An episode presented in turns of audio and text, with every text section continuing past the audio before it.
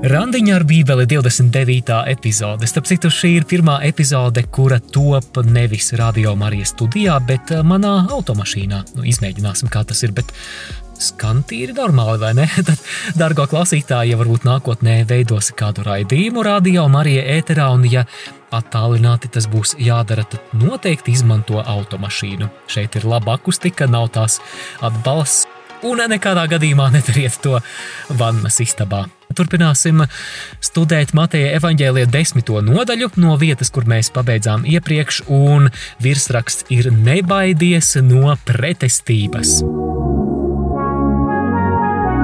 Randiņš ar Bībeli Studijā Māris Veliks. Dieva tēva un dēla un svētā gara vārdā Āmen. Svētais gars, mēs lūdzam, lai šis Bībeles studēšanas laiks būtu pārdabisks laiks. Lai mēs ticībā pieņemam tavu vārdu un lai tas pārveido mūsu dzīves un tuvina mūs Jēzum Kristum, mūsu kungam. Āmen. Dieva tēva un dēla un svētā gara vārdā. Āmen.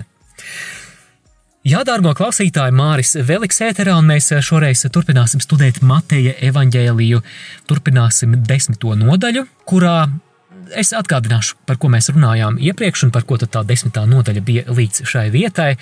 Jēzus sūtīja savus mācekļus, apstuļus evanģelizēt un sniedza viņiem norādījumus, kā praktiski rīkoties. Un mēs apstājāmies pie Jēzus vārdiem par to, ka mācekļiem ir jārēķinās, ka sekošana Kristumu un evaņģēlijas sludināšana nevienmēr tiks pieņemta ar labvēlību, ar prieku, bet kā Mācekļiem ir jārēķinās ar to, ka viņi var sastapties ar pretestību, jeb vajāšanām.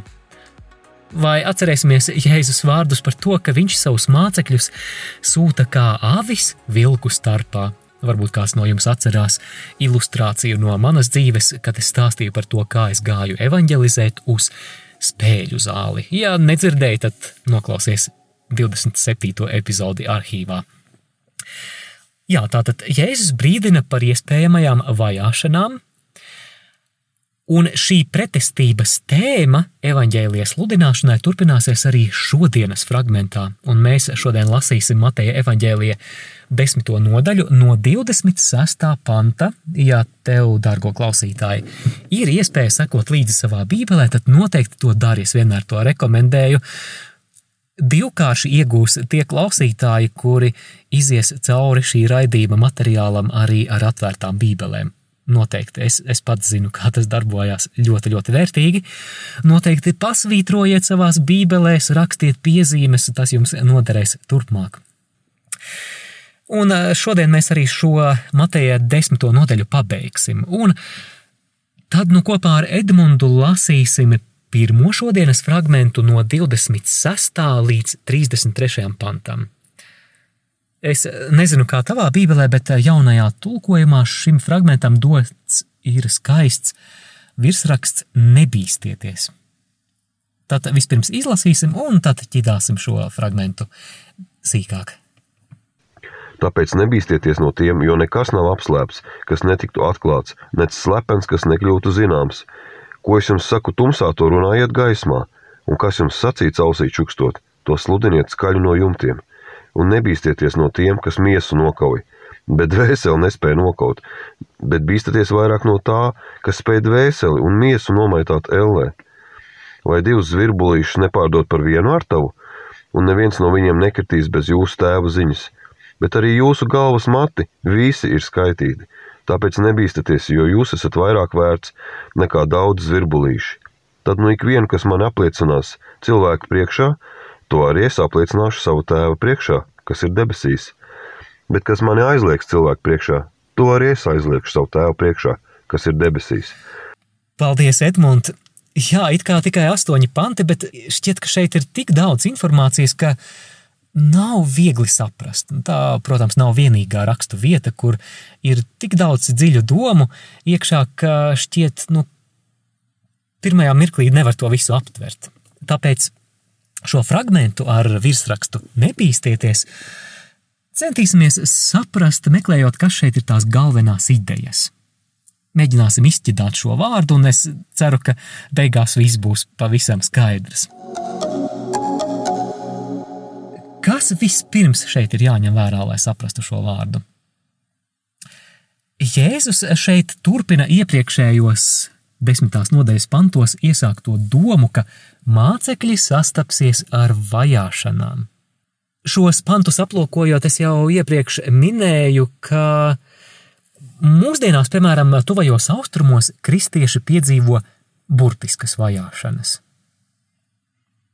Dievnamu spridzināšanu, teroraktus, nepieciešamību atstāt mājas un doties kaut kur trimdā, emigrēt, pat, pat nogalināšanu fiziski.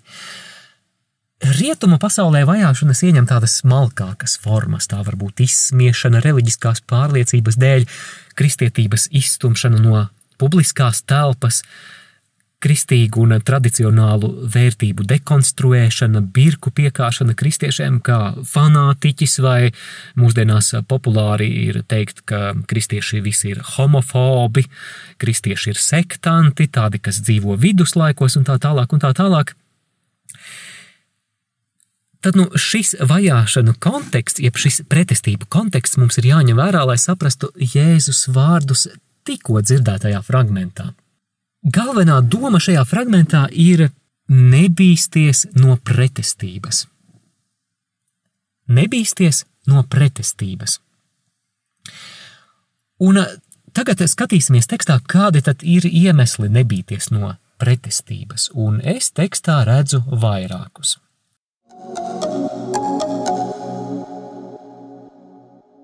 Pirmais ir nebīsties, jo ļaunums tiks atmaskots. Nebīsties, jo ļaunums tiks atmaskots, un to mēs redzam 28. pantā. Tāpēc nebīsties no tiem, jo nekas nav apslēpts, kas netiktu atklāts, nec slepens, kas nekļūtu zināms. Man nāk prātā šāda līdzība. Ja mēs piedzīvojam kādu noziegumu, piemēram, mums nozog mašīnu, tad patiešām mokoša var būt doma, ka šis noziegums iespējams arī nekad, nekad netiks atklāts bet iespējams mazliet ar tādu lielāku cerības stariņu uz situāciju mēs varam palūkoties, tad, ja mums ir pilnīga pārliecība, ka šis noziegums noteikti tiks atklāts, ka noziedznieki tiks atmaskoti un zaudēto mēs atgūsim.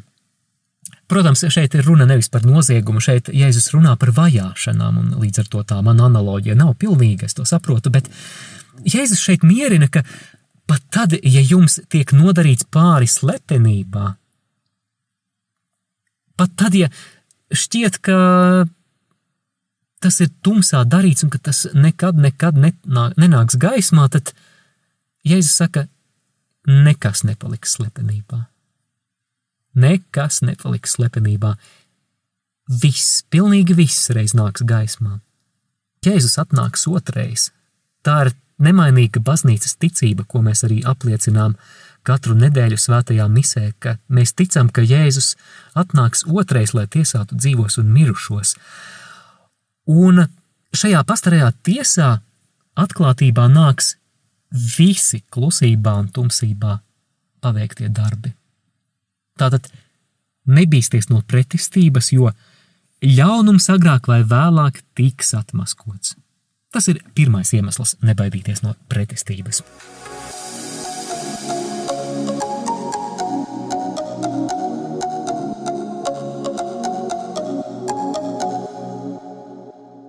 Otrais iemesls tekstā, ko es redzu, ir nebīsties, jo pretestība nevar kaitēt tavai dvēselē. Vēlreiz, nebīsties, jo pretestība nevar kaitēt tavai dvēselē. Jēzus to saka tā, lasām 28. pantu 10. nodaļā. Un nebīsties no tiem, kas miesu nokauj, bet dvēseli nespēja nokaut, bet bīstaties vairāk no tā, kas spēj dvēseli un miesu nomaitāt ellē. Jā, miesu var nonāvēt, bet dvēseli tas nepazudina. Kāds eh, sludinātājs eh, tādā melnā humora stilā reiz sludināja par evanģelizāciju, un viņš teica, nebaidieties, jo galu galā pats sliktākais, ko viņi jums var nodarīt, ir tik vien kā jūs nogalināt. jā, jā, es saprotu, ka skan nežēlīgi, bet, bet padomāsim, kāda patiesība šeit ir pamatā. Proti, ka dvēsele ir svarīgāka par dzīvību. Mūžība ir svarīgāka par šo īso laika nogrieznīti šeit virs zemes, šīs zemes dzīvē. Tas ir tāds viens elpas vilciens salīdzinot ar mūžību, vienkārši žvikst un, un nav. Jā, kaut kā mūsdienu cilvēks ir zaudējis šo mūžības perspektīvu. Mums ir tāda tendence dzīvot tā, it kā šie 60 vai līdz 80 gadi virs zemes būtu viss, kas mums ir. Bet Jēzus sakot, nebīties no tiem, kas miesu nonāvē, bet dvēseli nespēja nonāvēt, it kā saka, jā, viņi var kaitēt tavai šīs zemes dzīvei, bet mūžību viņi tev nespēja atņemt. Tāpēc bīstieties vairāk no tā, kas dvēseli un miesu var pazudināt ellē. Proti, šeit ir domāta bība dieva priekšā, un dievs ir soģis par dzīvajiem un mirušajiem. Tu esi aicināts dzīvot ar to apziņu, ka tu stāvi dieva priekšā. Viņam pieder vara, viņš tiesās dzīvos un mirušos. Kāds varētu pamatoti norādīt, nu, jā, bet uh, mūsu dzīvību šeit Latvijā neviens neapdraud tikai tāpēc, ka, ka mēs esam kristieši. Labi, attiecināsim šo rakstu vietu uz mūsu situāciju. Piemēram, kristīgo uzskatu dēļ var ciest tava reputācija, varbūt tavi kolēģi var uzskatīt tevi par tādu dīvainīti. Nu, un kas tava reputācija ir salīdzinot ar mūžību, ar tavām attiecībām ar Dievu? Ar viņa žēlastību, kur viņi tev nespēja atņemt. Un tālāk šajā desmitajā nodaļā, 39. pantā, Jēzus saka, kas savu dzīvību zaudēs manis dēļ, tas to atradīs. Tātad nebīsties, jo pretestība nevar kaitēt tavai dvēselē.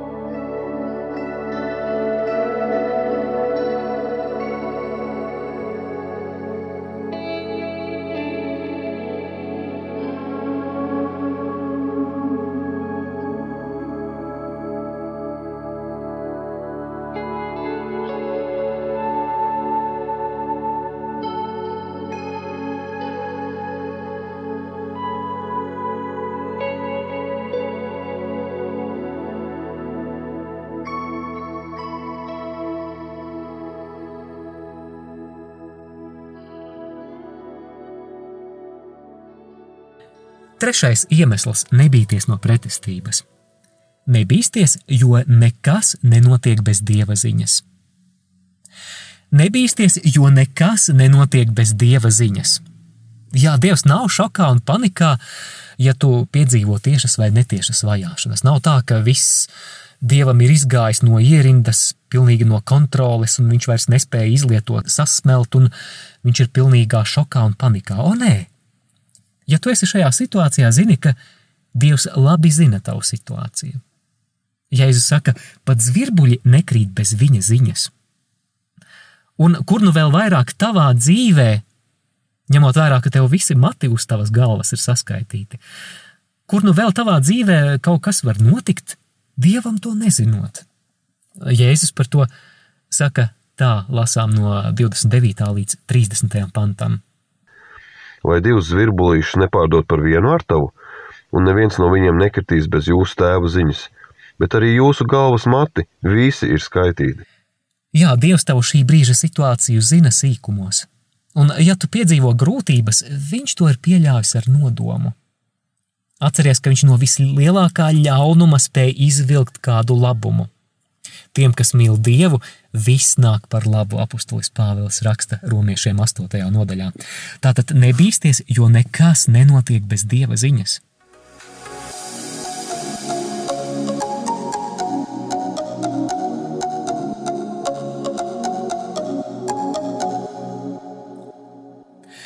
Ceturtais iemesls - nebaidīties no pretestības evaņģēlija dēļ. Nebīsties, jo tu Dievam esi svarīgs. Nebīsties, jo tu Dievam esi svarīgs. Lasām 31. pantu. Tāpēc nebīsties, jo jūs esat vairāk vērts nekā daudz zvirbulīši. Ja mēs piedzīvojam spiedienu, pretestības, vajāšanas, var, protams, pārņemt tā sajūta, ka Dievs mūs ir aizmirsis. Nē, Dievs nav aizmirsis. Dievs, kuram tu esi daudz, daudz svarīgāks par zvirbuli, savā gudrībā un apredzībā zina, kāds labums var nākt no šīs sarežģītās situācijas, kuru tu piedzīvo šobrīd. Tātad nebīsties, jo tu viņam esi svarīgs.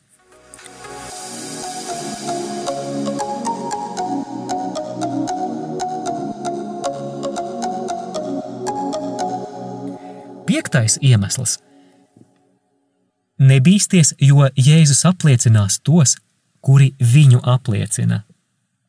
Nebīsties, jo Jēzus apliecinās tos, kuri viņu apliecina. Un Jēzus to saka 32. un 33. pantā lasām.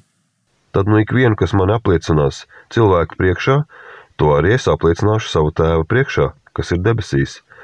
Bet kas mani aizliegs cilvēku priekšā, to arī es aizliegšu savu tēvu priekšā, kas ir debesīs.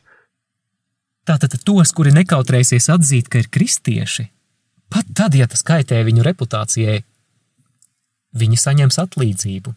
Tēva priekšā Jēzus teiks, ka šie ir savējie, šis ir savējais. Lūk, Anniņa, viņa ir savējā, lūk, Jānis, viņš ir savējais, lūk, Edgars, viņš ir savējais, lūk, Kristīne, viņa ir mūsējā. Un es domāju, ka tas mums ir jāatcerās, it sevišķi tajos brīžos, kad mēs it kā piekāpjoties pasaules priekšā, sākam slēpt to, ka mēs esam kristieši. Mēs slēpjam savus rožu kroņus, kad mēs ejot pa ielu, lūdzamies rožu kroni un ieraugām, ka priekšā nāk cilvēki vai restorānā, nu labi, ātrāk pienāktu tas laiks, kad restorāni atvērsies, bet, piemēram, restorānā pie galdiņa pārmest krusta zīmi, svētījot maltīti. Un mums reizēm ir tendence to slēpt, it kā mēs vainīgi pasaules priekšā par to, ka mēs esam kristieši. Un atcerēsimies, ka nebīsties, jo Jēzus apliecinās tos, kuri viņu apliecinās citu cilvēku priekšā.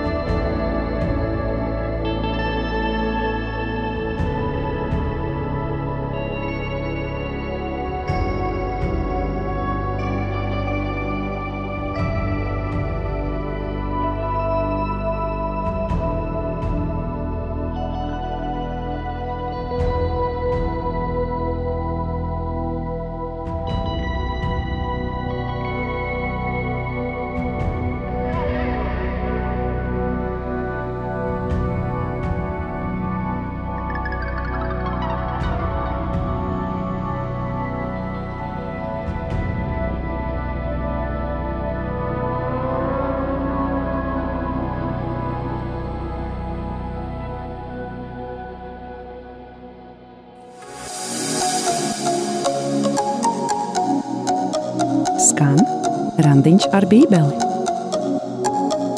Turpinām raidījumu Randiņš ar Bībeli. Šoreiz raidījumu Randiņš ar Bībeli es ierakstu savā automašīnā.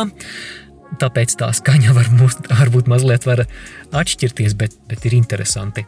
Šo es ierakstu ceturtdienas vakarā, un ārā pūš vējš, ir tāds drēgns, nepatīkams laiks, bet es šeit sēžu siltumā un ir omulīgi un labi, un cik forši, ka var lasīt Dieva vārdu un pārdomāt to kopā ar tevi, dargo klausītāju.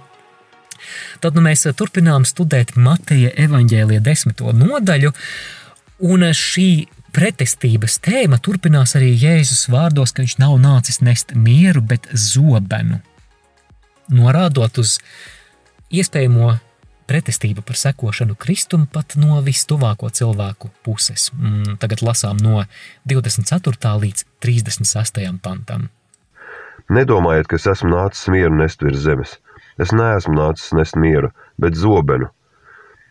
Es esmu nācis sanaidot cilvēku ar viņa tēvu, un meitu ar viņas māti vedeklu un ar viņu vīras māti, un viņa paša mājas ļaudis būs cilvēki ienaidnieki. Vispirms Jēzus šeit atsaucas uz pravieša Mihas grāmatu. Mihas grāmata vecajā derībā, tas ir viens no mazajiem praviešiem, septītā nodaļa, sastais pants. Lasu. Jo dēls nicina tēvu, meita ceļas pret māti, vedekla pret vīra māti. Naidnieki ir paša nama ļaudis. Tātad Jēzus citē šos pravieša Mihas vārdus kā tādu norādi, ka šī šķelšanās ģimenēs var būt raksturīga mesijāniskajam laikmetam. Jā, mēs zinām, un tu noteikti klausītāji labi zini, ka ticība Jēzum var ļoti vienot cilvēkus. Ja mēs zinām, ka mums līdzās ir brālis, māsa Kristū, ja mēs uzzinām, ka ah, šis cilvēks arī ir kristietis, tad ir tā sajūta, ka kaut kas radniecīgs. Es domāju, ka daudzi no jums piekritīs. Ir kaut kas tik svarīgs, kopīgs, un, un tas vieno. Bet mēs arī zinām, ka Tad, ja mūsu tuvinieki vēl nepazīst Jēzu, mēs arī varam piedzīvot kaut ko pretēju. Mēs varam piedzīvot neizpratni, mēs varam piedzīvot pretestību no viņiem. Es, es pats to neesmu piedzīvojis, bet, ja es jautātu jums, dārgie klausītāji, lai jūs, piemēram, liecinātu par to, kā jūs šo esat piedzīvojuši, es zinu, ka daudziem, daudziem no jums būtu ļoti personiskas liecības kā jūs starp saviem tuviniekiem, kuri nepazīst Dievu, esat bijuši vai varbūt joprojām esat kā tāds baltais zvirbulis, kuru neviens nesaprot, un varbūt pat piedzīvojat pretestību. Jēzus šajos vārdos ir īsts realists. Viņš te neizpušķo, viņš te nerunā caur kaut kādām puķītēm, viņš vienkārši zina, ka sekošana Jēzum un arī evaņģēlijas sludināšana, būšana par Jēzus mācekli, nevienmēr būs viegla, ka ir jārēķinās no pretestības ne tikai no to vilku puses, kas ir pasaulē, bet ka pretestību mēs varam piedzīvot pat no to cilvēku puses, no kuriem šķietam it kā nevajadzētu piedzīvot, proti no vis, vistuvākajiem, vis, vismīļākajiem cilvēkiem. Un, jā, vienkārši māceklim ar to ir jārēķinās. Jēzus zina, ka tā notiks. Un šajā pretestības gadījumā no tuvinieku puses, kas iespējams daudziem no jums ir aktuāla, mēs nonākam izvēles priekšā. Mums aktualizējas jautājums, kas mums būs svarīgāks - Jēzus vai tuvinieku viedoklis? Piemēram, apmeklēt misijas svētdienu vai ļauties spiedienam no ģimenes puses, ka, nu, nu nē, esi taču fanātiķis, mums ir daudz darba mūsu lauksaimniecībā. Vai, piemēram, atsaukties aicinājumam kļūt par konsekrētu personu, protams, ja Dievs kādu aicina, vai, vai pakļauties tuvinieku spiedienam, nu, nu izbeidz, es nepieļaušu to, ka tev nebūs bērnu un es nesagaidīšu mazbērniņus. Tātad, Tā ir izvēles situācija, kurā bieži vien mēs dzīvē nonākam, un Jēzus saka tādus zīmīgus vārdus no 37. līdz 38. pantam. Izlasīsim tagad. Kas tēvu un māti vairāk mīl nekā mani, tas nav cienīgs manis, un kas dēlu vai meitu vairāk mīl nekā mani, tas nav manis cienīgs, un kas savu krustu neuzņemās un man neseko, tas nav manis cienīgs. Jā, šeit ir minēta arī sava krusta nešana, un krusts bija visšausmīgākais, visapkaunojošākais nāves soda rīks Romas impērijā. Tas skanēja patiešām biedējoši un šokējoši Jēzus mācekļiem, un Jēzus ar šiem skarbajiem vārdiem saka, ka, ja jūs neesat gatavi sekot man, arī tad, ja tas nozīmē apkaunojumu, arī tad, ja tas nozīmē dalību manās ciešanās, tad jūs nesat manis cienīgi. Un galu galā tie, kas meklēs šajā dzīvē tikai un vienīgi savu komfortu, savu interesu apmierināšanu, tie cilvēki nekad, nekad, nekad nebūs apmierināti. Viņiem paies garām tas, kas ir dzīve ar lielo burtu. Jo tikai veltījot sevi dievam un citiem cilvēkiem, mēs varam piedzīvot piepildījumu, un Jēzus par to runā 39. pantā. Kas meklē savu dzīvību, tas to pazaudēs. Kas zaudē savu dzīvību manas dēļ, tas to atradīs.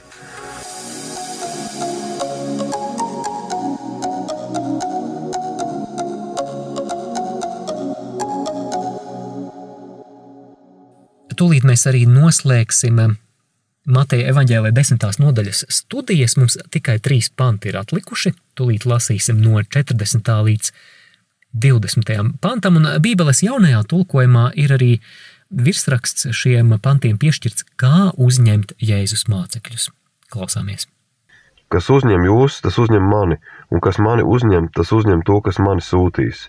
Kas uzņem pravieti praviešu vārdā, tas dabūs praviešu algu, un kas uzņem taisnu taisnu vārdā, tas dabūs taisnā algu, un kas dzirdinās vienu no šiem vismazākajiem tikai ar biķeri augstu ūdens, mācekļu vārdā patiesi es jums saku, tam sava alga nezudīs.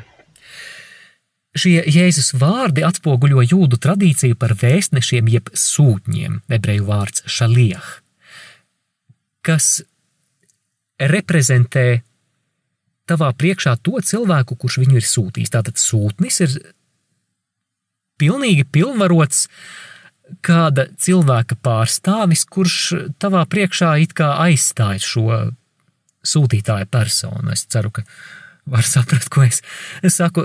Tātad uz apstuļu piemēra mēs to redzam. Piemēram, arī apstuļi nemāca savā autoritātē, viņi pārstāv Jēzu.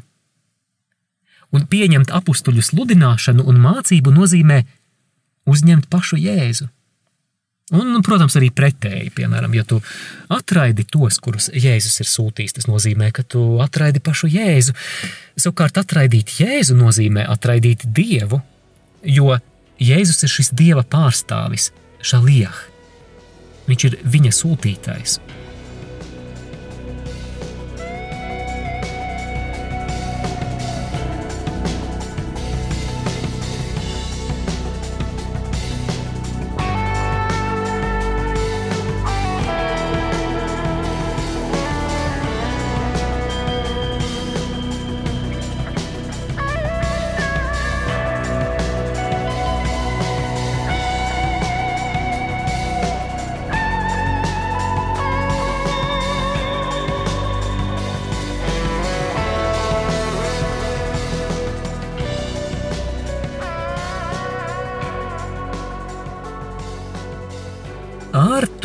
Mēs arī esam pabeiguši studēt Mateja evaņģēlīja desmito nodaļu, un mēs nākamajā raidījumā studēsim jau 11. nodaļu, kur dzirdēsim Jēzus liecību par Jāni Kristītāju.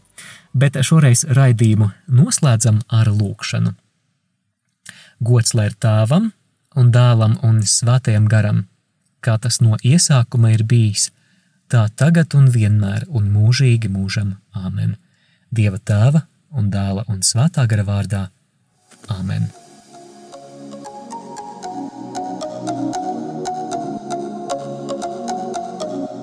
Jūs klausījāties raidījumu Randiņš ar Bībeli. Savas atsauksmes, ieteikumus un jautājumus sūtiet uz e-pastu Randiņš ar Bībeli at gmail.com. Iepriekšējās raidījuma epizodes aicinām meklēt arhīvā.